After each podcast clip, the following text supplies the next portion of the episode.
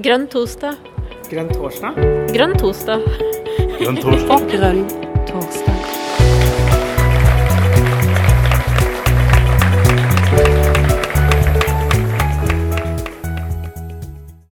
Velkommen til Grønn torsdag, Karina og Chris og Jonas og Kyrre og Nina og Tore og Stei, Stine og Sandra og diverse enda flere.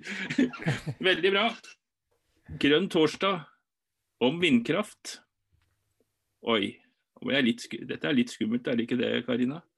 Jo, det er litt skummelt, fordi at det har vist seg at vindkraft er jo et eh, minefelt av, eh, av, av motsetninger. Eh, og, og i kommentarfeltene på Facebook så finnes det jo ikke en eneste nyanse igjen når du sier ordet vind og kraft eller vind og mølle sammen.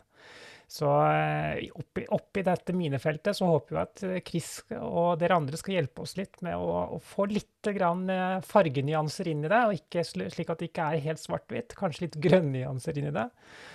Eh, har du noen tanker, Jonas, om det som skal skje med, eh, i, i kveld i forhold til vindkraft? Jeg er eh, veldig spent, og det er jo en ekstremt følelseslada debatt. Eh, og jeg gleder meg til å høre på noen av de følelsene, og sette meg inn i de, og bli bedre kjent med hva den saken faktisk betyr for folk. da. Ehm, så jeg gleder meg, og tror det blir veldig bra, og håper jo at eh, mange vil delta i den diskusjonen. Veldig, veldig bra. Ja, Vet du hva, skal vi rett og slett bare gi ordet til Chris, Jon? vi gjør det. Er du klar, Chris? Ja, så klar som man kan bli når man skal snakke om eh, et tema som vindkraft. Um, ja, nei, jeg tenkte jeg skulle uh, begynne litt sånn med følelser, men uh, gå ganske raskt over i fakta, sånn at vi uh, kan ha en debatt som Eller en diskusjon eller samtale som um, ja, som blir en balanse mellom de to tingene, som jo er litt som oss mennesker. Eh, når jeg ble spurt om jeg kunne komme og bidra til eh, en grønn torsdag om vindkraft, så, så er jo de første tankene som, som dukker opp da hos meg, og som ofte dukker opp når man skal snakke om både vindkraft og, og vannkraft og en del andre energi, former for energiutvinning, så, så er det det her med at um, hvordan skal man lykkes med å håndtere uh, det faktumet at vi både står i klimakrise og i naturkrise samtidig. Det er jo en spagat som, eh, som er ekstremt krevende, som om ikke hver eh, enkelt av de krisene i seg sjøl var krevende nok. da. Um, og um, det å i årene fremover, og også nå, klare å finne løsninger som kan bidra til å uh, bøte på klimakrisa samtidig som vi ikke forverrer naturkrisa, er jo kanskje noe av det vanskeligste og viktigste eh, politikere og eh, folk flest, og også vi i MDG, er nødt til å, å finne eh, gode eh, løsninger på. da. Jeg husker ikke helt om jeg pratet om det i Grønn torsdag før, men jeg tenker ofte det at jeg skulle ønske at vi hadde et sånt stort, et sånt stort skjema over alle energiformene som fantes. Eller kanskje først vite hvor mye energi vi egentlig trenger, for den mest miljøvennlige energien er jo den vi ikke bruker.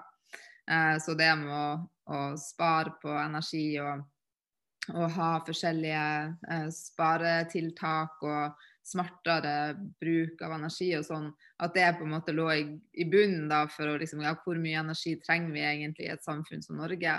Og så skulle jeg ønske at man hadde denne oversikt over energiformer som sa noe om hvor mye energi eh, det, den formen for eh, energiutvinning kunne gi, eh, og samtidig så på hvordan naturkostnader den hadde med dagens teknologi og sånn, og så kunne man på en måte prøve å finne et slags eh, minste felles multiplum mellom den klimavennlige energien man fikk og de naturskadene som, som eh, ville oppstå.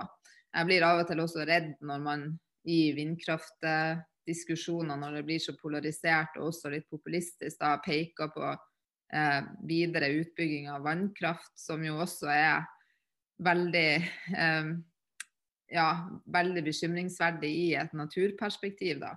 Sånn at dette er en veldig vanskelig diskusjon, og det er en viktig diskusjon. Og jeg føler av og til at man har kommet veldig baklengs eller på skeiva inn i løsninger der det egentlig kanskje ikke er kunnskapen eller den beste løsninga som ligger til grunn, men den løsninga man har tilgjengelig, og de kapitalkreftene som Eller altså, det trenger ikke være noe negativt i det, altså, men det er på en måte noe med utviklingsstadiet den bransjen er i, som gjør at det, det er mulig å få det til. da.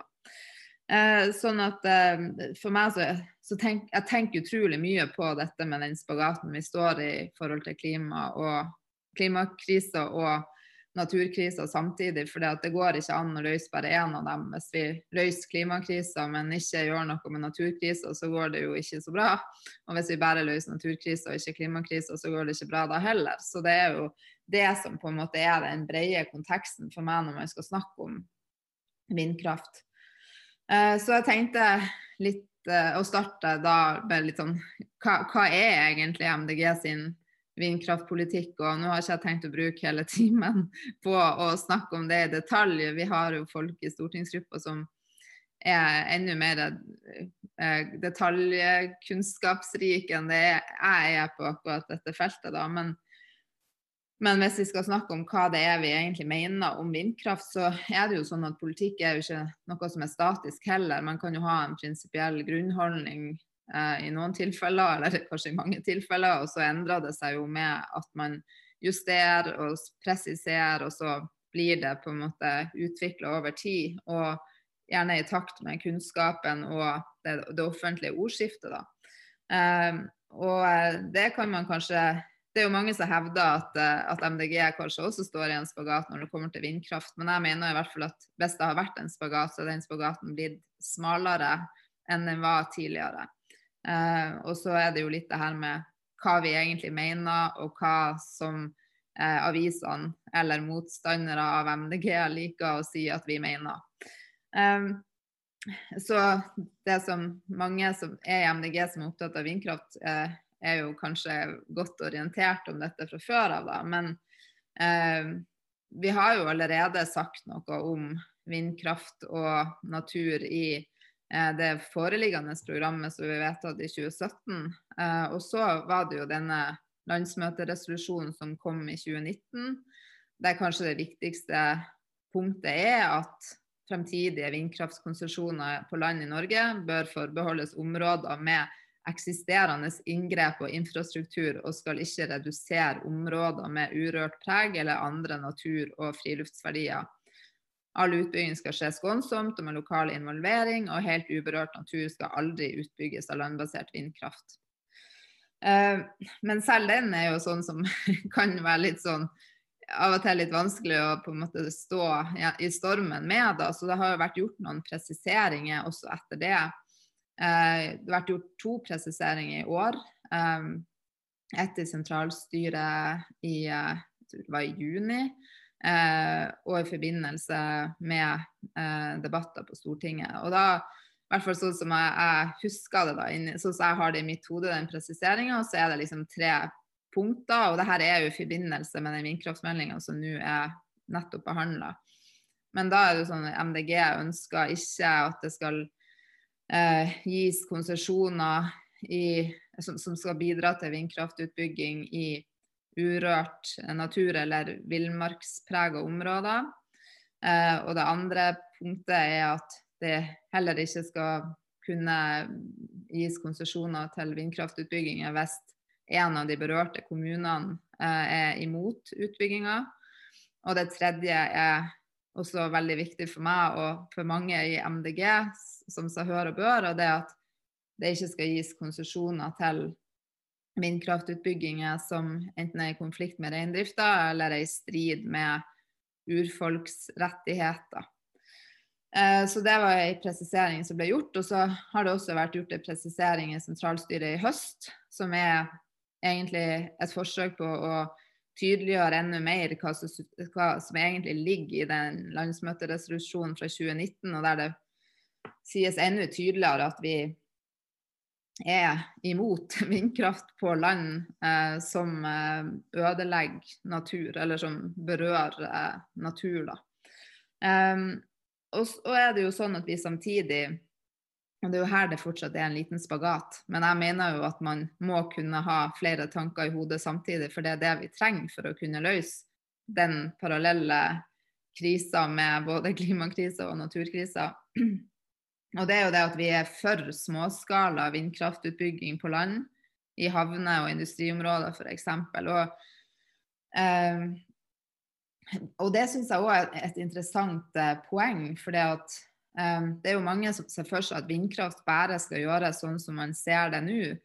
Men det finnes Det er jo egentlig en forretningsmodell, eh, den måten man velger å gjøre det på. Og det er finnes eh, miljøer som, eh, kommersielle miljøer som ser på om si, mange bekker små kan gi en stor å. At man kan gjennom småskalautbygginger altså At det også kan være kommersielt interessant. Og det er jo noe som vi i MDG ønsker å få sett nærmere på. da, Og som også har vært løfta i forbindelse med behandling av vindkraftmeldinga. Og så har vi jo en, en landsstyreresolusjon fra 2020 som heter 'Toget for norsk havvind går nå'. Og per i dag så er jo eh, vårt vedtatte standpunkt i forhold til havvind at vi eh, har et mål om, eh, og, om utbygginger som skal eh, legge til rette for at man kan eh, produsere 100 terawatt havvind innen 2030, men der det gjennom landsstyrebehandlinga ble kraftig eh, forsterka. Det var allerede et godt naturhensyn der, men, men, det var veldig gode debatter rundt det. Og da er det liksom lagt til grunn at eh, ja, at både miljøkartlegging og miljøovervåkning til havs må styrkes. Eh, og at eh, det skal tas eh, hensyn til natur både i vurdering i forhold til konsesjon og ved eventuelle hav, altså selve utbygginga. Men det er jo, jeg tror man må på en måte alltid ha i hodet at eh, altså, havet er jo også natur, både på overflata og under. sånn at det er jo ikke sånn at det ikke er snakk om natur, for det er det. Og alle inngrep vi gjør, har en eller annen konsekvens.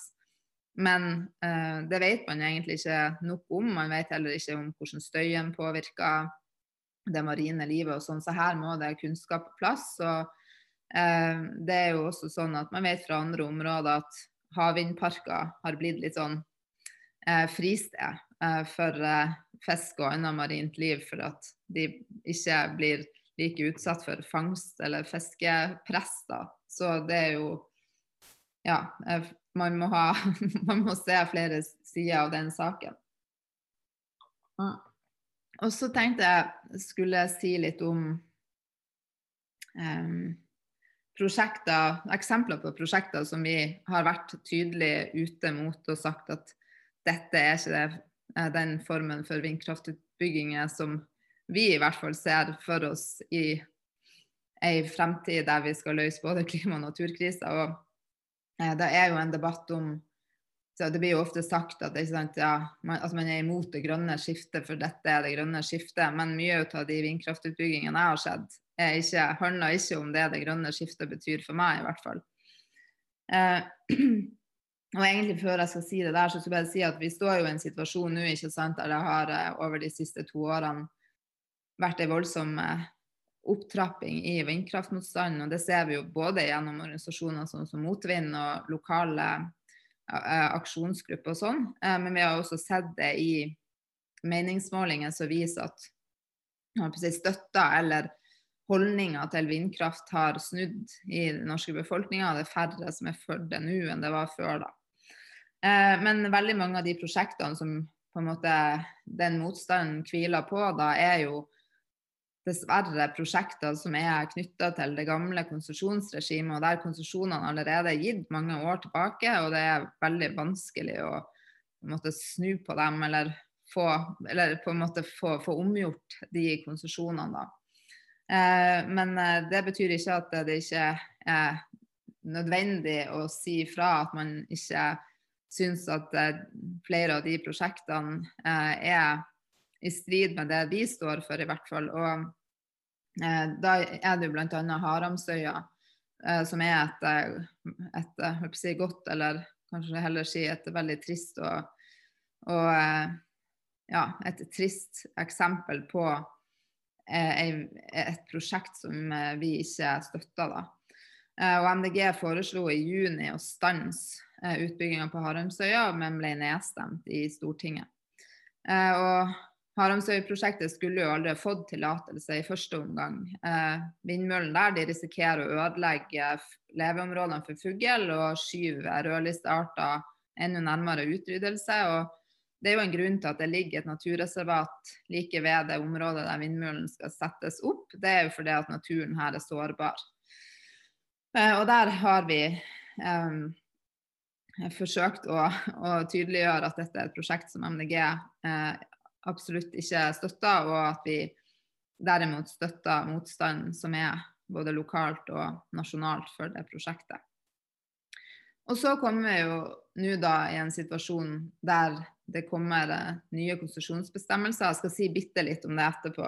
Jeg tror ikke vi skal bruke hele timen på det i forhold til hva som ligger i den nye vindkraftmeldinga. Men eh, det er i hvert fall en del prosjekter som er på trappene nå der konsesjon ikke er gitt, og der man må være med, følge med og være tydelig og eh, stå på barrikadene for å markere motstand eh, mot prosjekter som er under planlegging. Eh, og da er det jo, jeg har lyst til å trekke frem Laksefjordvidda, Rastigaisa, utbygginga eller Davi vindkraftverk, som de planene som et selskap som heter Grenseland AS har der landsmøtet har vedtatt en resolusjon eh, der vi sier at eh, disse planene er et angrep på samisk kultur og fremtidige generasjoner som må avvises.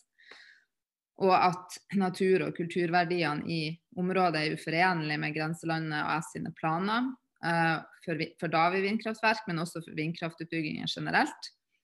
Og at disse vindkraftutbyggingene vil forringe området for fremtidige generasjoner. Eh, og dette er et enormt naturområde eh, i grenseområdet mellom Finnmark og Finland. Eh, og her er det planlagt ei veldig stor utbygging, eh, så å si på et av samene sitt hellige fjell som heter Rastigaisa. Og det er stor lokal motstand. Sametinget og Samerådet er ikke for dette prosjektet. Og Sametinget har jo generelt blitt mye mer tydelig på at de mener at vindkraftutbyggingen generelt setter samisk kultur eh, i fare. Eh, så det var noen sånn eksempel på prosjekter som, som, ikke bare jeg, men MDG gjennom enten resolusjoner eller uttalelser fra bl.a. UNE har visst at eh, vi tar avstand fra, og at vi ikke ønsker det. Og så syns jeg det også er interessant i forbindelse med vindkraftmotstanden og eh, vindkraftmelding og behandling av vindkraftmeldinga at eh, det er ikke så lett for velgere sikkert heller å vite hvem som mener hva. Eh, for det at sånn som Senterpartiet har jo vært med og lagt til grunn eh, for eller lagt, Det er jo de som på en måte har lagt premissene for det, det vindkraftregimet vi har hatt. og nå har de jo snudd eh, kappa etter vinden. Det er jo kanskje sjelden at det har vært mer, mer passende å bruke det uttrykket. Eh, men samtidig så er det jo aldri for sent å snu, og det er jo for så vidt bra at man velger å gjøre det. Men uh, ja, det er i hvert fall det er i hvert fall ikke sikkert så lett å følge med for, for befolkninga generelt, og ikke for meg heller, for den saks skyld. Jeg skal si litt sånn kort om vindkraftmeldinga. Eh, den ble behandla for ja, det er vel to-tre uker siden nå. Eh, og altså Vindkraftmeldinga gjelder jo fremtidige konsesjoner, så det påvirker ikke allerede gitte konsesjoner. sånn at det, det, er på en måte ikke noe hjelp å få der egentlig i kampen mot konsesjoner som allerede er gitt. Eh, og den gjelder kun vindkraft på land, og ikke havvind. Den strammer, den vedtatte eh, vindkraftmeldinga den strammer inn på mange, på mange, viktige områder, sånn at det blir kortere konsesjonstid, det er færre endringer fra konsesjon til ferdigstilt prosjekt som er tillatt. Så det er bl.a. strengere krav til turbinhøyder. Eh, det er større vektlegging av naturmangfold og urfolksrettigheter. Men MDG mener at meldinga er forholdsvis vag på hvor mye tyngre sånne hensyn skal vektlegges. Den er liksom ikke så tydelig som vi hadde ønska den skulle være. Og så er det en viktig endring i at eh, kommunene får eh, ja, for, på en måte sterkere råd Eller for, for altså, kommunene sin stemme blir sterkere fordi at behandlinga flyttes Så utbyggingsbehandlinga flyttes fra energiloven til plan- og bygningsloven. Eh, og eh, så tenkte jeg skulle si at vi hadde jo et eget forslag der eh, som ikke gikk gjennom, eh, som sa at eh, Stortinget ber regjeringa legge til grunn i fremtidige konsesjonsbehandlinger at utbygging av vindkraft på land ikke skal føre til nedbygging av natur eller svekkelse av urfolks rettigheter. Og at Stortinget ber regjeringa utarbeide en plan som viser potensialet for småskala vindkraftproduksjon i havner, industriområder og andre steder. Der vindkraft kan bygges ut uten å komme i konflikt med naturhensyn og urfolksrettigheter. Herunder vurdere justerte avstandskrav ved lavere turbiner i slike områder og kom tilbake til Stortinget senest innen utgangen av 2021. Men disse fikk ikke flertall, sånn at eh, vi er jo opptatt av at eh, av at, altså, av at det som ligger til grunn i konsesjonsbehandlinga, skal ta, ta, så stort hensyn til eh, natur og urfolk at, at det på en måte ikke at det skal allerede hensyntas da. sånn at vi var jo bl.a. med oss og støtta at kommunene skulle få sterkere råderett. Men da legges det til grunn at naturhensynene skal tas allerede i den nasjonale eh, konsesjonsbehandlinga. Jeg har en sånn her host på gang, så jeg skurrete i stemmen. Men, eh, så, så, jeg tenkte egentlig at for meg så er det i hvert fall et sånt utgangspunkt. ikke sant? Hva, hva er dilemmaet? Um, hva er det vi mener, og hva er det som det nye, konsesjons, Uh, det nye konsesjonsregimet egentlig sier da, i henhold til, eh, til vindkraftmeldinga. Også det med eksempler som, som, vi absolutt ikke kan støtte. Og så tenker jeg at eh, jeg tror at for MDG sin del, siden vi ikke er mot, kategorisk mot all uh, vindkraft, vi er mot uh, vindkraft i, i, uh, i, natur på land, men vi er for uh, småskalautbygginger på land, og så er vi for havvind. Så tror jeg det blir veldig viktig at vi markerer oss i konkrete prosjekter og så viser hva det er vi mener er vindkraft som er eh, bærekraftig nok til at man bør gå videre med det. da.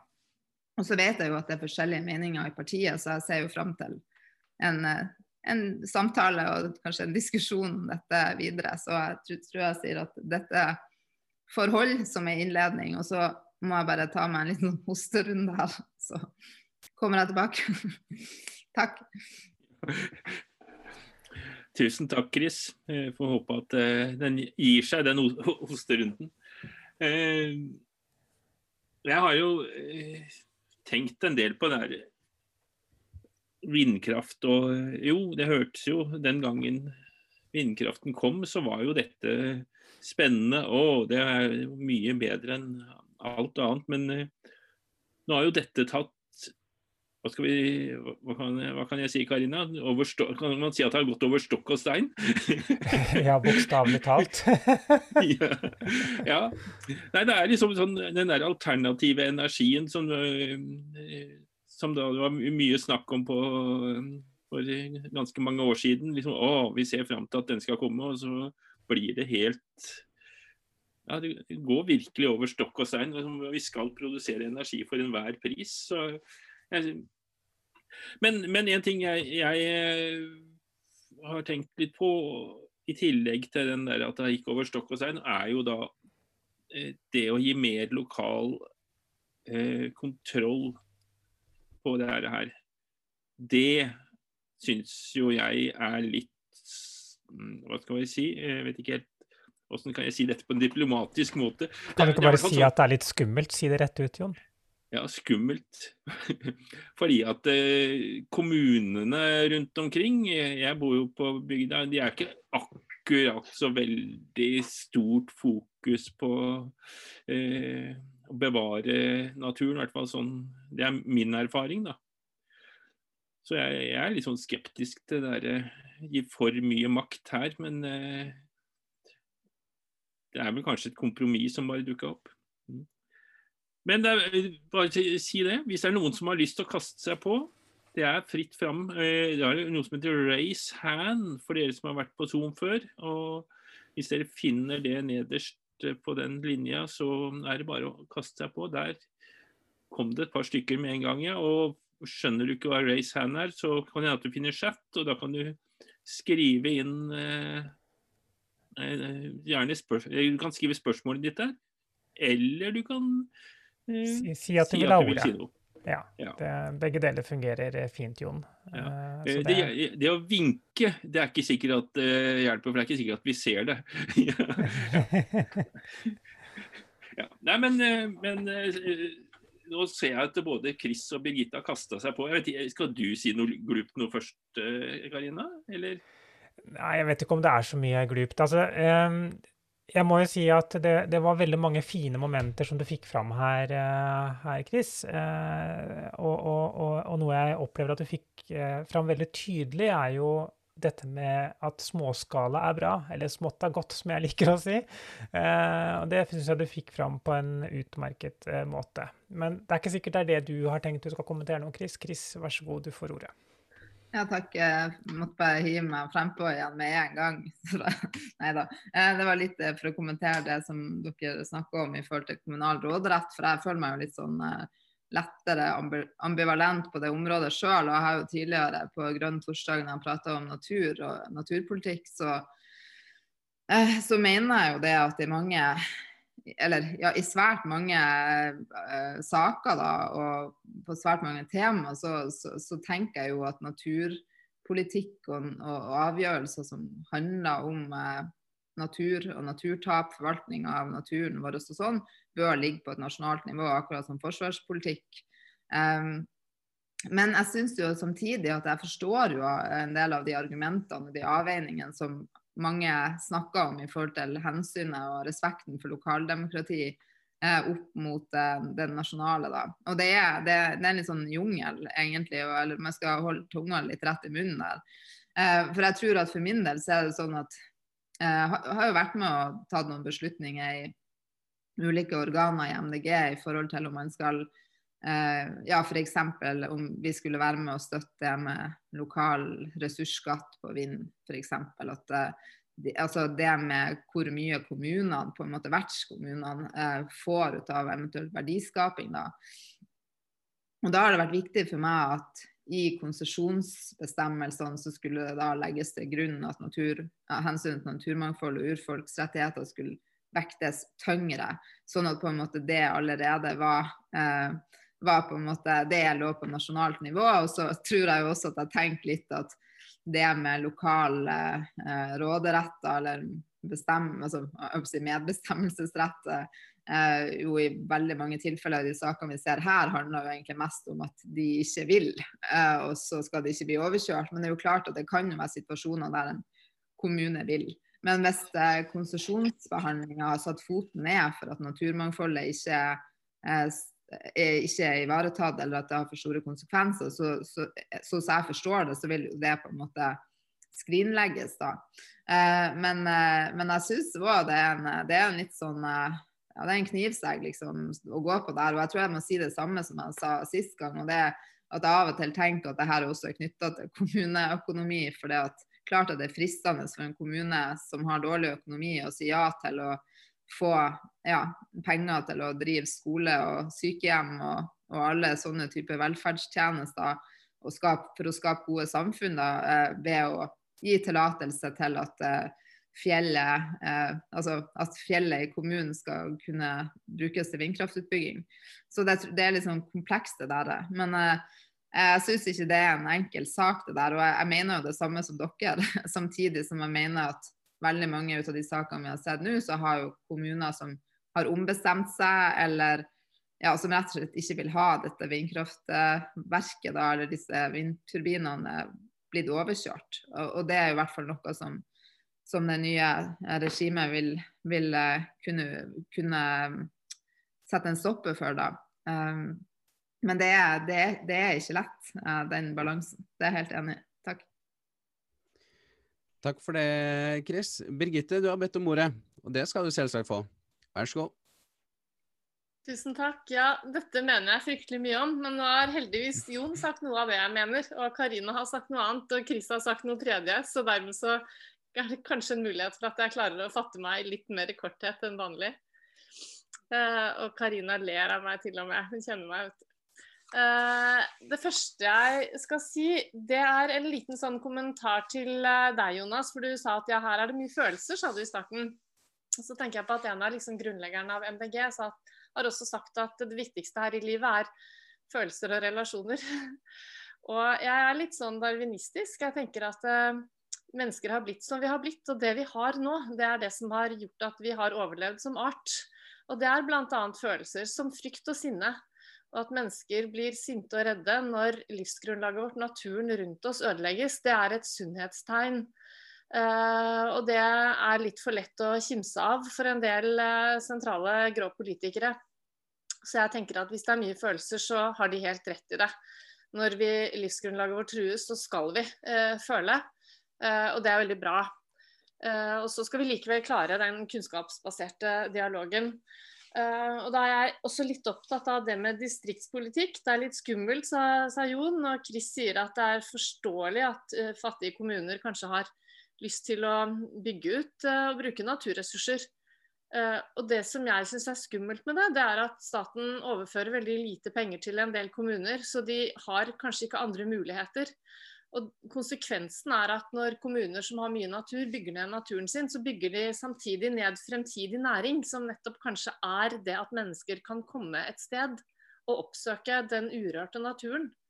Uh, og Det kan være en veldig viktig ressurs og verdi i fremtiden som man gir slipp på. Og Det blir litt som å pisse i buksa for å holde seg varm, for å si det populært. Da, at man bygger ned og selger arvesølvet sitt, og da er det ikke noe arvesølv å se på lenger. Og Så kommer ikke folk dit, og så svikter næringen, og så blir det fraflytting. Og så blir distriktene et sånt utarmingsprosjekt for sentrale strøk, hvor man henter inn naturressurser uh, for å putte inn i fellesskapet. Eh, så det er litt skummelt. Og det siste som jeg har blitt veldig opptatt av nå når det gjelder vindkraft, det er at det har en stor kostnad før det produseres. Fordi råstoffene må komme fra et sted, og det kommer jo fra naturen. Uh, og I MDG så har vi en resolusjon på at Kina bør vi samarbeide ganske lite med. Uh, men i gir, altså i vindturbiner som har girutveksling, så er det neodymium. Og Kina står for 85% av neodymiumproduksjonen i verden.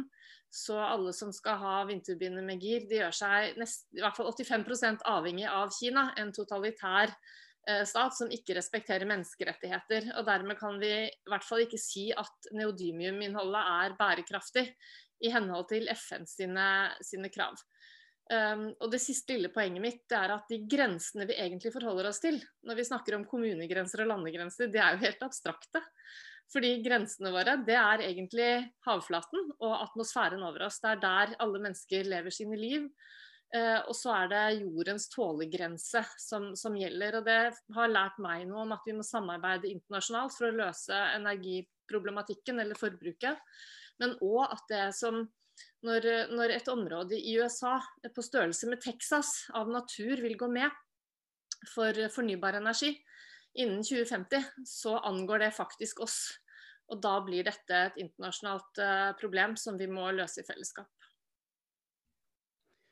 Takk, eh, Birgitte. Uh, og jeg er helt enig med deg at vi skal lytte til de følelsene. Og det er jo ingen, er ingen som har starta en revolusjon bare basert på fakta, på en måte. Så det kommer av at vi føler og opplever noe um, i verden rundt oss som vi gjør noe med. Uh, så det er jeg helt enig i, og det, det, skal man jo bruke til noe positivt. Men så lurer jeg jo litt på, kommer disse følelsene av at man ikke vil ødelegge naturen, eller kommer de av at vindmøller er stygge? Er det det estetiske? Er det det som driver det hos mange? Det blir et litt sånt åpent spørsmål til alle, dette her. Men hva er det med, eh, med vindmøller da, som får fram så sterke følelser hos noen? Eh, handler det om natur, eller handler det på en måte om eh, det som går med på miljøet rundt oss, da, det vi kan se? Eh, for jeg tror nok det er mange som er eh, blir veldig sinte av vindmøller, men ikke fullt så sinte av eh, nye oljeletetillatelser, f.eks. Så eh, jeg vet ikke om det er noen som har noen eh, tanker rundt akkurat det. Gris, kanskje? Ja, jeg kan gjerne kommentere litt på det. Jeg er jo faktisk blant en av de som syns at vindmøller er estetisk på et litt sånt mystisk overjordisk vis. Eh, og før jeg ble eh, mer bevisst på at eh, hvilke naturkonsekvenser de hadde, så var det sånn jeg synes det var liksom veldig Det var liksom en del av på en måte reiseopplevelsen å kjøre gjennom Sverige, der de på Bjørnfjell hadde vindmøllepark. da, og så bare sånn det var sånn wow, liksom. Minner meg om, om filmer, sånn, typ, litt sånn sci-fi-ting og sånn. Eh, sånn at jeg er ikke blant de som egentlig syns det er stygt. Men eh, det som jeg syns eh, Som jeg kan kjenne at det skjer i et eller annet i meg, som jeg ikke egentlig helt klarer å sette ord på, er når det bryter linjer i naturen, f.eks. Det har jeg sammen med havvind også for øvrig, som ligger liksom i horisonten ute i Vesterålen. Som bare sånn, er sånn brudd i landskapet, og det som vi har hvilt blikket vårt på i mange tusen år, da. Det går nok helt sikkert i arv, det også. Eh, sånn at, eh, at eh, vindturbiner, da Det høres jo fint ut med vindmøller, men det kommer jo fra Kanskje det, jo, det, var ikke det det heter før i tida, så jeg tror det er derfor man fort snakker om det. Men eh, men det er jo vindkraftindustri. Jeg tror, det, jeg tror Birgitta har helt rett som, som, også altså det her med bruken av begrepene. ikke sant? Om det blir sånne formildende begreper som gjør at det høres finere ut enn det er. Men, eh, men jeg får, eh, liker ikke når det gir brudd i, i, sikt, altså i sånne linjer i landskapet og sånn. Og jeg kan i hvert fall veldig godt forstå at hvis du bor et sted der hele det som er på en måte rommet ditt i i verden og kosmos eh, blir eh, brutt opp, og, og ja, at eh, blikket ditt ikke lenger finner hvile uten denne eh, konstante måte forstyrrelsen, så, så, tror jeg man kan bli eh, både følelsesmessig berørt av det, jeg tror også at man kan bli kanskje syk av det. For det, det er noe som ikke, det er et fremmedlegeme. Og da, og da, nå snakker vi bare som estetikk, nå bare filosoferer over estetikken. Det med naturkonsekvenser kommer jo i tillegg. Og når du vet at det i tillegg ødelegger natur, så tror jeg at den, den, sorgen, den økosorgen inni deg, og den sorgen over det tapet, eh, kan bli veldig, veldig sterk. Eh, og det kjenner jeg sjøl på. Eh, selv når jeg på Rastigaisa der jeg har liksom vært i det området, og det, ikke, det er ikke vindkraftutbygging her nå, det er ikke industriområdet. Men bare det å se for seg at det skulle skje, var sånn at jeg ja, at bare hadde bare lyst til å gråte. Så det skjønner jeg veldig godt, den følelsen. Takk. Takk eh, for det, Chris. Jeg har en sånn eh, kjapp eh, oppfølging på For du snakka tidligere om at vi er mot vindkraftutbygging i natur, og da lurer jeg på hvor, hvor, ja, hvor begynner den naturen?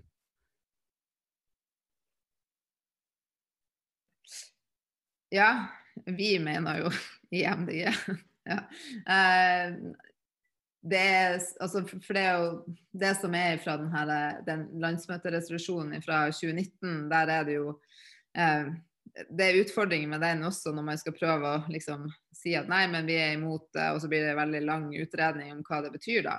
Men eh, det finnes jo definisjoner på hva uberørt, altså villmarksprega områder og sånn. Jeg jeg prøver faktisk ikke å bruke, ikke bruke urørt natur så mye, fordi at jeg kommer fra et område med sterke samiske og eh, utmarkstradisjoner da, som, der folk faktisk reagerer veldig sterkt hvis du sier at naturen er urørt, fordi at de har levd så nært den eh, så lenge. da. Så villmarkspreget områder er vel også jeg vet ikke om det står noen plass, men sant, det jo, finnes jo definisjoner på det. da, sant, At det er mer enn fem kilometer fra et eh, større menneskelig inngrep. Eh, så jeg vet ikke om vi har det skrevet ned noen plass, men jeg vil tenke at definisjonen ligger der. Um, at den, den form for uh, villmarksprega områder. Mm. Takk. Ja, takk. Eh, det er interessant med den typen definisjoner, for det kan jo legges litt forskjellige ting i, i den typen ting. hvor det ene begynner og det andre slutter, på en måte. Arne Eriksen har bedt om ordet, og det skal han få. Vær så god, Arne. Ja, da må jeg først spørre om dere hører meg. Jeg har ikke mikrofon. Vi hører deg. Ok. Da blir jeg den som slår kaldt vann i blodet her da. Jeg ber dere tenke over de store tallene, og det er Norges elektrisitetsforbruk, som er på 147 terawattimer. Så har vi et forbruk av fossilt, som er omtrent like stort, så driver våre politikere og legger om til elektrisk drift. Skal vi legge om alt sammen, må vi altså skaffe til veie nye 147 terawattimer. Hvordan skal vi det? Vi må bruke de kildene vi har og det er vannkraft, solkraft og vindkraft, og så er det atomkraft, som har sine egne problemer, som er like ille, og ellers er det småting, så vi kan rett og slett ikke erstatte disse fossile energikildene hvis vi ikke tar i bruk alle disse tre, for alle har sine begrensninger, sol skinner ikke om natten, det blåser ikke bestandig, og vannkraft er begrensede mengder, så jeg ber dere å tenke over dette. Her er det nevnt noe om følelser, men hvis du faktisk skal redde et klima, og da må vi erstatte fossilt med utslippsfri energi, som er først og fremst disse tre kildene, og vi bør også være klar over at for klimaet å erstatte disse utslippene, det er veldig hastverk om å gjøre, så derfor, når vi nå avviser all vindkraft på land, jeg er ikke for all vindkraft, men jeg går sterkt imot alle de som er imot all vindkraft, det er sikkert de som ikke bør realiseres, men å stoppe all vindkraft det vil ikke fungere, vi skal ha havvind, men havvind har også sine problemer, den er dyrere, og den har en lang utbygging foran seg, før den kan gi et bidrag, og i mellomtiden, så tikker klokka når det gjelder klima, så jeg ber dere tenke over disse store tallene, og vi må ikke komme ut med en politikk som gjør at vi ikke klarer å bekjempe klimaendringene. Takk skal du ha, Arne. Da kan du få lov til å mute mikrofonen din. Ja, eh, har vi ikke tatt inn over oss de store tallene, Chris? Hva tenker du? Jeg tenker at uh, han Arne er absolutt inne på noe viktig. Uh, jeg fikk ikke med meg helt alle tallene han sa, men jeg tror han det jeg fikk med meg, var jo at han, han, mener at vi ikke kan erstatte fossile energikilder uten å ta i bruk spesielt vannkraft og vindkraft og solkraft for å ja, altså få fornybar energi som kan erstatte den. Men jeg tror vi må starte egentlig på toppen der med bruker vi energien vår rett. Uh, mitt inntrykk i hvert fall er jo at vi sløser veldig med energi i Norge. Og så er det jo også sånn at um, jeg er jo opptatt av å løse klimakrisa og at klokka tikker, men den tikker like høyt før naturkrisa, og den utviklinga går jo kanskje enda raskere tempo. sånn at vi kan ikke løse den ene krisa uten å ta hensyn til den andre. og det er jo også sånn at de er uløselig knytta, fordi at eh, hver gang vi mister natur, så mister vi også en del av løsninga på klimakrisa. Eh, sånn at eh, dette er utrolig innfløkt. Og jeg eh, respekterer absolutt eh, ditt ståsted, og jeg kjenner mange andre som mener at eh, vindkraft er helt nødvendig, og, og, og bare at vi burde virkelig gjøre altså bygge ut så mye som mulig fort for å komme oss fort over fra det fossile. Men jeg, men eh, jeg tror at det her med det økte fokus på naturkrisa også har fått flere til å forstå at uh, ja, hver gang du ofrer liksom, ei myr eller, uh, eller, andre områder som spiller viktige roller i, i klimaregnestykket, så er det ikke sikkert at du får noe løsning på klimakrisa ved å ødelegge natur. Pluss at det er jo også betydelige klimaavtrykk knytta til produksjon og, og etableringa av eh, vindkraftindustriområder. Da, sånn at, eh, mm. eh, ja, så jeg tror, jeg tror, man kan se på det fra forskjellige sider. og Litt spent på å høre på om noen andre som har kommentarer på det. Mm. Kan, og Det kan godt være du får det, Chris. Eh, eh, Tommy han forsøkte seg på en liten replikk på deg eh, på det forrige du sa. Tommy, er det slik at du føler behov for den replikken fremdeles? Ja, jeg blir jo engasjert av det. Jeg har sittet i fylkestinget i tre dager og hodet er kokt. Men jeg, bare, jeg, har lyst til å si to ting. da. Det ene er at uh, jeg har litt mer videre Hvis jeg forstår Chris da, riktig, så definerte du natur som det her med vill, villmark. Uh, fem kilometer unna tekniske anlegg. Uh, var det riktig, Chris? Altså, det er i hvert fall en definisjon som finnes på hva uh, villmarkspregede områder er, da. Og da tenker det er i hvert fall helt safe. Så kan man ja, det, er, det er safe, men da syns jeg du har safa for mye i kveld, tenker jeg. Fordi vi må tenke mye bredere. Altså, eh, vi har jo mange rødlistearter i Norge som lever i, i, masse habitater som er kanskje ikke innenfor villmarksbegrepet, men som, som, er i nærheten av der folk bor, egentlig. Så vi må jo tenke mye videre i forhold til at vi, skal, vi er et parti som ønsker å leve i et eh, samfunn i økologisk balanse. og Da er vi avhengig av alle økosystemer, alle habitater, all sårbar natur. Uh, alle, all, altså den der, den, den der storsalamanderen som helter bare en kilometer under, under, under, under et, et boligfelt. Vi ønsker å ta vare på den storsalamanderen sitt habitat. Uh, så vi, vi, vi, ønsker, vi ønsker ikke å spise mer natur. Det er derfor vi fremmer for eksempel, det nye forslaget også forhold til hyttepolitikk. Så jeg tror nok at vi har et uh, mye bredere definisjon på hva natur er. da. Uh, fordi vi, vi, må stoppe på en måte å spise mer natur, og dermed så er vi også over på det her med naturnøytralitet. Også Det andre som jeg har lyst til å si til Arne Eriksen. Ja, det er riktig. Norge vi er verdensmestere i strømforbruk. Vi bruker sånn type 114 eh, terawatt eh, årlig, og så eksporterer vi en 14-15 terawatt-timer. Eh, vi bruker, hva var det Jeg hadde skrevet en kronikk på Dagbladet som jeg linka til. Vi bruker 70% mer enn danskene og ti ganger mer enn verdensgjennomsnittet. Og vi bruker dobbelt så mye strøm per nordmann som en svenske gjør. Nå er det sånn at vi har funnet et kunnskapsgrunnlag og hvor mange terawatt trenger vi de neste ti årene for å elektrifisere Norge? Og Det er 40 terawatt vi trenger for å elektrifisere Norge. Og da har jeg bare lyst til å si kort, altså ikke det her blir et langt foredrag, men det er jo sånn at når vi går over fra fossilmotoren til elmotoren, så er det jo sånn at energibehovet synker.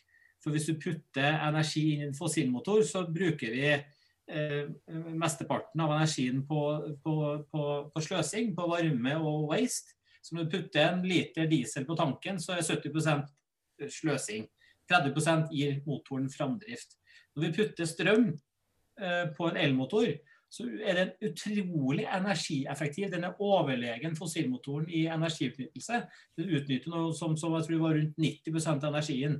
Så når vi da går over fra fossilsamfunnet til det elektriske samfunnet, så trenger vi ikke like mange terawatt. Så det blir feil å omregne fossilenergien til på en måte hva elsamfunnet trenger. Er det som elmotoren er så utrolig overlegen. Og så er det mange, mange, ulike områder vi har mulighet til å hente den energien, energien vi trenger. Det enkleste er å si tre-fire ting. Det ene er at vi kan hente 10 terawatt på strømsparing i, i eneboliger, eh, yrkesbygg, og industri. Eh, vi kan også hente et stort potensial på solenergi. Eh, og vi kan også hente estimert eh, et potensial på 16 TWh i forhold til sjøvarme. Eh, og så har vi også et potensial i forhold til solfangere, plass, en plass mellom 5 til 25 terawatt. Og det er mange andre energi, energibærere også. Jeg vet f.eks. at i Sverige så installerer husstandene 30, 30 000 husstander som installerer bergvarme årlig. I Norge så er det nesten ikke noen som gjør det. Men forutsetningene for bergvarme i Norge er like, om ikke bedre, i Norge enn det er i Sverige. Mm. Ønsker du å kommentere, Chris? Nei, Jeg tenker at det er godt å ha folk som han Tom i partiet. De kan fylle inn der man sjøl eh, kanskje ikke kan tallene like godt. da. Men det er jo absolutt mitt inntrykk. altså Allerede for 20 år siden jeg eh, var på sånn festivaltur i Danmark, så husker jeg ble så ble sånn positivt og litt sånn ja, jeg ble litt sånn undrende da, over at eh, der var det jo sånne lapper som sto overalt, også i private hjem. sånn Slå av vannet, eh, slå av lyset når du går ut av rommet og sånn. Og vi sløser jo. Det, vi er jo verdensmestere i sløsing av eh, For at vi har så mange naturressurser. Altså, liksom, det, jeg tror det ligger et eller annet sånn veldig rart i bunnen der at vi vi har så mye av så mye at vi ikke tenker over at vi bruker det opp, på en måte. Eh, sånn at jeg er blitt flinkere på det sjøl, altså slå av lyset i rom og etasjer som jeg ikke oppholder meg i. Eh, så det, vi har en stor jobb å gjøre der i lag, eh, og noe kobla til gulrøtter og økt bevissthet, og noe tror jeg må være sånne retningslinjer for offentlige bygg og alt mulig mm. rart som er sterkere enn det er i dag. Da. Så Takk, takk til Tommy for, eh, for, eh, for uh, hans innspill. Og jeg har lasta ned kronikken, nå skal jeg lese den etterpå. ja, og det, er, og det, er, typisk norsk å være god, og det gjelder tydeligvis også sløsing, så det kan vi også ta med oss. Eh, så, eh, men, men, dette her har jo mye med natur og, og sånn å gjøre, det vi har snakket om nå. Men, men, så er det en annen side her, og det er spørsmål som vi har fått på chatten. Eh, og vedkommende spør da har MDG noen mening om at eventuelle vindparker bør eies av kommuner eller stat, på samme måte som vannkraft? I dag er det flere vindparker som eies av utenlandske banker eller private selskaper. Altså naturulempen skjer i Norge, mens inntjeningen forsvinner. Er det, er det problematisk? Eh, har du lyst til å kommentere det, Chris? Ja, jeg tenker at det er et veldig godt spørsmål. Og så jeg kan ikke det godt nok til å si om vi har en mening, faktisk. Men jeg kan jo si hva min mening er. Ja, det, du får lov. ja, altså, generelt syns jeg at det der er et komplekst spørsmål. For det, det går jo inn på type um, En ting er i forhold til det med, med, eierskap og sånn. Der har man vel egentlig blitt mer, mindre restriktiv eh, de siste årene. ikke sant? Der man selger ut mer ut av det som hadde vært i i, i vårt felles eie enn man gjorde tidligere. Og så er det jo det med skatteregimer og, og grunnrentebeskatning og sånn, der jeg er blant de som tenker at grunnrentebeskatning er en måte å sørge for at vertskommuner for ulik type naturbasert virksomhet altså Det burde tilfalle mer da, lokalt. Eh, for vannkraft så stemmer jo faktisk ikke det helt. da, for der er det jo, jeg tror, Hvis ikke jeg tar helt feil, nå kan Tommy arrestere meg igjen, så tror jeg Oslo er kanskje Norges største vannkraftkommune. For det var de som hadde penger til å kjøpe seg opp eh, når eh, de, det regimet ble etablert. da. Eh, men, og filialisering og liksom oppkjøp av, av både rettigheter til forskjellige naturressurser og hvem som skaper verdiene, og hvor postnummeret, den eh, skatteseddelen si, går hen. Alt det der henger jo sammen med kommuneøkonomi og uh, fylkesøkonomi og nasjonal økonomi. Så det er utrolig sånn sammensatte uh, områder, da. Men, uh, men, det er jo igjen litt tilbake til det vi begynte med å diskutere, det her med kommunene sjøl. Jeg syns det er litt skummelt, og liksom skummelt å ha for stor fokus på gulrota men jeg mener jo samtidig at hvis det er en kommune som blir pålagt eller, eller sjøl ønsker å ha vindkraftutbygginger i henhold til det nye regimet, så mener jeg jo, altså konsesjonsregimet, så, så er jeg jo opptatt av at de skal få eh, altså At en god del av verdiskapinga skal tilfalle dem på et eller annet vis. For jeg har vært i små kommuner, bl.a. i Finnmark, der det de fikk igjen for å gi en privat aktør rett til å bygge ut uh, vindturbiner på deres byfjell, var en utkikk, utkikksrestaurant de sjøl måtte drifte. Og sånn kan vi ikke ha det i Norge. Takk, Chris. Eh, vi har en strikkende dame med oss som eh, har tegna seg igjen. Birgitte, det er så lenge siden du tegna deg at du har kanskje glemt hva du ville si nå? Å nei da. Ingen fare. Det er, eh, det er, litt relatert til det Jonas snakket om i sted, det med estetikk, og også til det som Chris sa, at man på en måte kan bli litt sjuk når man mister um, horisonten sin. Uh, og da bare tenkte jeg å si at mennesker, vi er fremdeles natur. Vi er pattedyr, og vi har øynene plassert der vi har dem. For 10 000 år siden så var vi et jeger- og sankerfolk, og vi har overlevd fordi vi har et periferisyn. Og det synet det fanger opp bevegelse. Eh, hvis alle som hører på tenker seg at du står veldig langt borte, og så ser du noen du tror du kjenner, hvordan påkaller du oppmerksomhet? Du veiver med armene. Og det å veive med armene, det suger blikket til seg, og det er det vindturbiner gjør. Det er helt umulig å glemme at de er der, for de veiver med armene konstant. Og det er en urmenneskelig måte å påkalle oppmerksomhet på som ligger i instinktene våre, som vi rett og slett ikke kan glemme. Og det er sånn Synet vårt er laget for å fange opp bevegelse i periferien. Så selv om du prøver å se et annet sted, så vil du hele tiden bli forstyrret av de der vindturbinene. Så det gjør, det gjør noe med oss. Det påvirker oss fysiologisk på måter vi ikke selv kjenner. Og når mennesker snakker om hva som er stygt, så er det jo fordi at vi har ikke nødvendigvis verbal kontakt med instinktene og urmennesket i oss til å klare å verbalisere nøyaktig hva som skjer. Og så er det interessant at det der 'not in my backyard'-argumentet, det er et argument som folk i byene som lever fjern fra naturen, tillegger mennesker som lever i og med og ved naturen, og som får nettopp disse forstyrrelsene nært seg. Um, så bare for å minne på at vi er fremdeles natur, um, og vi reagerer på bevegelse og støy fra installasjoner i naturen som forstyrrer eh, livsgrunnlaget vårt. Og det er naturlig. Takk. Takk, Birgitte. Eh, jeg har Jeg skal drive valgkamp neste år, jeg. Så jeg lurer jo litt på bli- Blir det vindkraft? Eh, blir det noe tema i den kommende valgkampen, eller blir det bare oss, korona og det, er, det blir jo sikkert noen lokale vindkrafter, men eh, Vindkrefter? Nei, vind... ja. Nei, det er, det er eh, Det er ikke noe på grunn til å tro at det blir noe stor lokal, en nasjonal sak. Eller hva tenker, tenker du, Chris? Eh, ja, det er jo litt, alltid litt vanskelig å spå. Tenk om, eh, tenk om det hadde vært valget i 2020, om jeg skulle prøve å spå i desember 2019 om hva som kom til å være den største saken. At det, Da visste man jo ikke hva korona var ennå. Men, eh, men jeg har nok det ganske høyt oppe på min eh, tipsliste, ja. Eh, spesielt i Kanskje spesielt eh, for oss som skal drive valgkamp utenfor de store byene. Da. Og jeg tror det kommer til å holdes jeg, tror, jeg tror det kommer til å knytte seg til veldig mange eh, prosjekter som er spredd utover i hele landet. Da. Så jeg har flere saker i, i, i Troms som jeg er helt sikker på kommer til å være aktuelle for å løfte på vindkraft. Eh, Jeg tror ikke den eh, saken er over, nei. Og eh, til jul så ønsker jeg meg et nei fra NVE om konsesjonssøknaden fra Grenseland og jeg som da Davi vindkraftverk på Rastigøysa.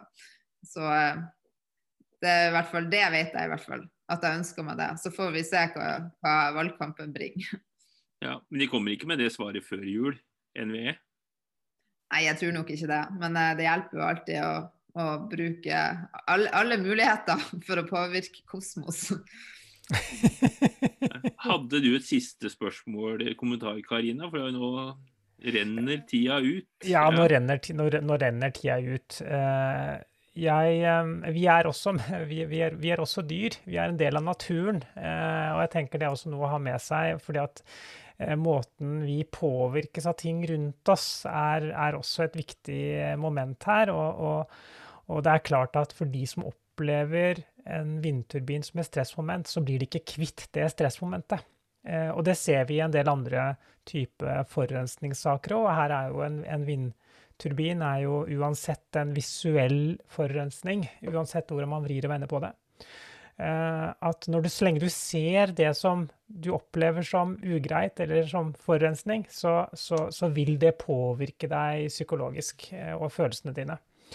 Og i forhold til en del andre typer eh, inntrykk som man påvirkes av, så vet vi at gjentagende negative inntrykk det medfører eh, redusert eh, livskvalitet. Og det er, et element vi definitivt må ta, med oss, fordi vi vet at det over tid igjen vil kunne gi en del stressrelaterte symptomer som faktisk kan utvikle seg til noe som eh, ja, oppleves som sykdom. Da. Man blir dårlig av det, rett og slett. Selv om man, selv om man egentlig ikke burde blitt syk av det, så blir man det likevel fordi at det er en, en stressfaktor i det. Eh, ja, litt rart å komme inn på dette, kanskje, men, men vi, er, vi er også Vi har denne dyriske vi, vi har denne dyriske siden ved oss, og, og, og, og, vi er følelser på veldig mange områder, og det skal vi, skal vi eh, ta med oss. Og så var det en som i kommentarfeltet nå skrev 'vindkreft', og det er jo for så vidt eh, slik en del vindkraftmotstandere definitivt opplever det. Det er det ingen tvil om. Um, og så er det sånn da, Jon, at dette her er jo siste grønn torsdag i 2020. Um, hvordan syns du, Jon, året har vært? Det har vært litt intenst. Så jeg er veldig glad for at vi greide å få, få med oss eh, Jonas, eh, sånn at i hvert fall vi har litt eh, Holder huet litt over vannet. For eh, både Karina og jeg er jo folkevalgte. og ja, vi er, vi er jo blitt mer enn det også. Ja. vi er blitt toppkandidater til stortingsvalget, henholdsvis Oppland og Hedmark. Så hva vi skal holde på med neste år, det er Det vet vi allerede. Ja, nei, det vet vi allerede. så-. Det kan jo hende at vi, Jonas burde hatt med seg at vi burde hatt med enda en eh, bistand. Ikke fordi at Jonas gjør det dårlig, men det, belastninga kan bli nesten for stor. Ja, for vi må Ja. ha Grønn torsdag hver eneste uke. Ja, ja, ja. Altså i 2021 så skal det være i hvert fall eh, 40 episoder av Grønn torsdag. Eh, Det tror jeg vi skal ha en veldig klar ambisjon om. Eh, Og det betyr, Jonas, at, at eh, du også må hjelpe oss med å produsere. Og til alle dere der ute som, eh, som syns at dette her er veldig interessant og gøy, og kunne tenke deg å bryne deg litt på dette her, så, så er det altså en åpning for å kunne få lov til å være med på å drifte og lede Grønn torsdag. Eh, Jonas, du kan jo si litt om hvordan har det vært å jobbe sammen med Jon og meg på dette her. Har det, har, har det gått greit? Det har vært uh, veldig fint, og det føyer seg inn i rekka av uh, Dere følger inn i rekka av veldig inkluderende og flotte mennesker jeg har møtt i det partiet her siden jeg ble med. Uh, så vi, bli med! Hvis du ser dette og tenker at det kunne vært interessant. Det anbefales på det sterkeste. Det gjør det. Så eh, nei, det har vært en glede. Og så er det sånn, da, eh, Chris, du er jo faktisk nestleder, én en av to nestledere i Miljøpartiet De Grønne. eh, Så derfor så vil jeg gjerne tilby deg å kunne ønske alle der ute en riktig god jul og godt nyttår. Ønsker du å gjøre det? Ja, det er klart at jeg har lyst til det. Um, skulle jo egentlig ha ønska alle ei god grønn jul. Det ser dessverre ut som at det, det går i oppfyllelse veldig mange steder. Men jeg skulle i hvert fall ønske alle ei veldig god jul, og så håper jeg den blir hvit for de som ønsker seg snø til jul og stabilt vintervær. Og så har jeg også lyst til å benytte anledninga til å si tusen takk til Karina, Jon og Jonas for at dere arrangerer igjen og igjen Grønn torsdag, som er en utrolig flott plass å få lov til å snakke om eh, grønn politikk og utvikle seg videre. Og som var en av mine første plasser til å snakke til større del av partiet. Og så, så har jeg lyst til å ønske dere spesielt god jul og godt nyttår. Og så skal vi grønne på i lag i 2021. Vi skal grønne på i 2021, det er i hvert fall helt sikkert. For vi starter allerede i januar eh, med, med, nye Grønn torsdag-episoder, og vi har begynt å få programmet på plass. Eh, Ja, kan du gi noen lekkasjer? Ja, kan du gi noen lekkasjer, Jon? Ja, budsjettlekkasjer? Nei, grønn torsdag-lekkasje, ja. Nei, vi har en avtale med UNE um, om at hun da skal dra i gang valgkampen og oppsummere 2020. og ja, eh, Så um, håper vi da at eh, ikke Stortinget eller noe sånt noe kommer i veien. Og I denne uka her så har vi vært helt nedsylta, og det er vel sånn, sånn det er. Så det blir spennende. Og så eh, kom gjerne med innspill på, på ideer også. Så hvis du skal fylle opp 40 programmer, så er det ganske mye. Ja. Mm. Det, det er riktig. Eh, Da er det siste ordet sagt. Vi er eh, noen minutter på overtid. Det har vært kjempefint å ha dere her. Eh, Gøy å se at eh, det kommer såpass eh, mange også. Det gir oss mye energi i det å gjøre dette. Um, og for de som har fulgt med, så vet dere at dere finner oss både på YouTube, det er bare å søke, opp Grønn torsdag. Dere finner oss i din favorittpodkastkatalog. Igjen, bare søk opp Grønn torsdag. Og vi har også vår egen nettside grontorsdag.no, hvor vi legger ut alt som legges ut. Så med det så er det bare å ønske en skikkelig, skikkelig god jul og godt nyttår. Tusen takk, folkens. Vi ses i januar.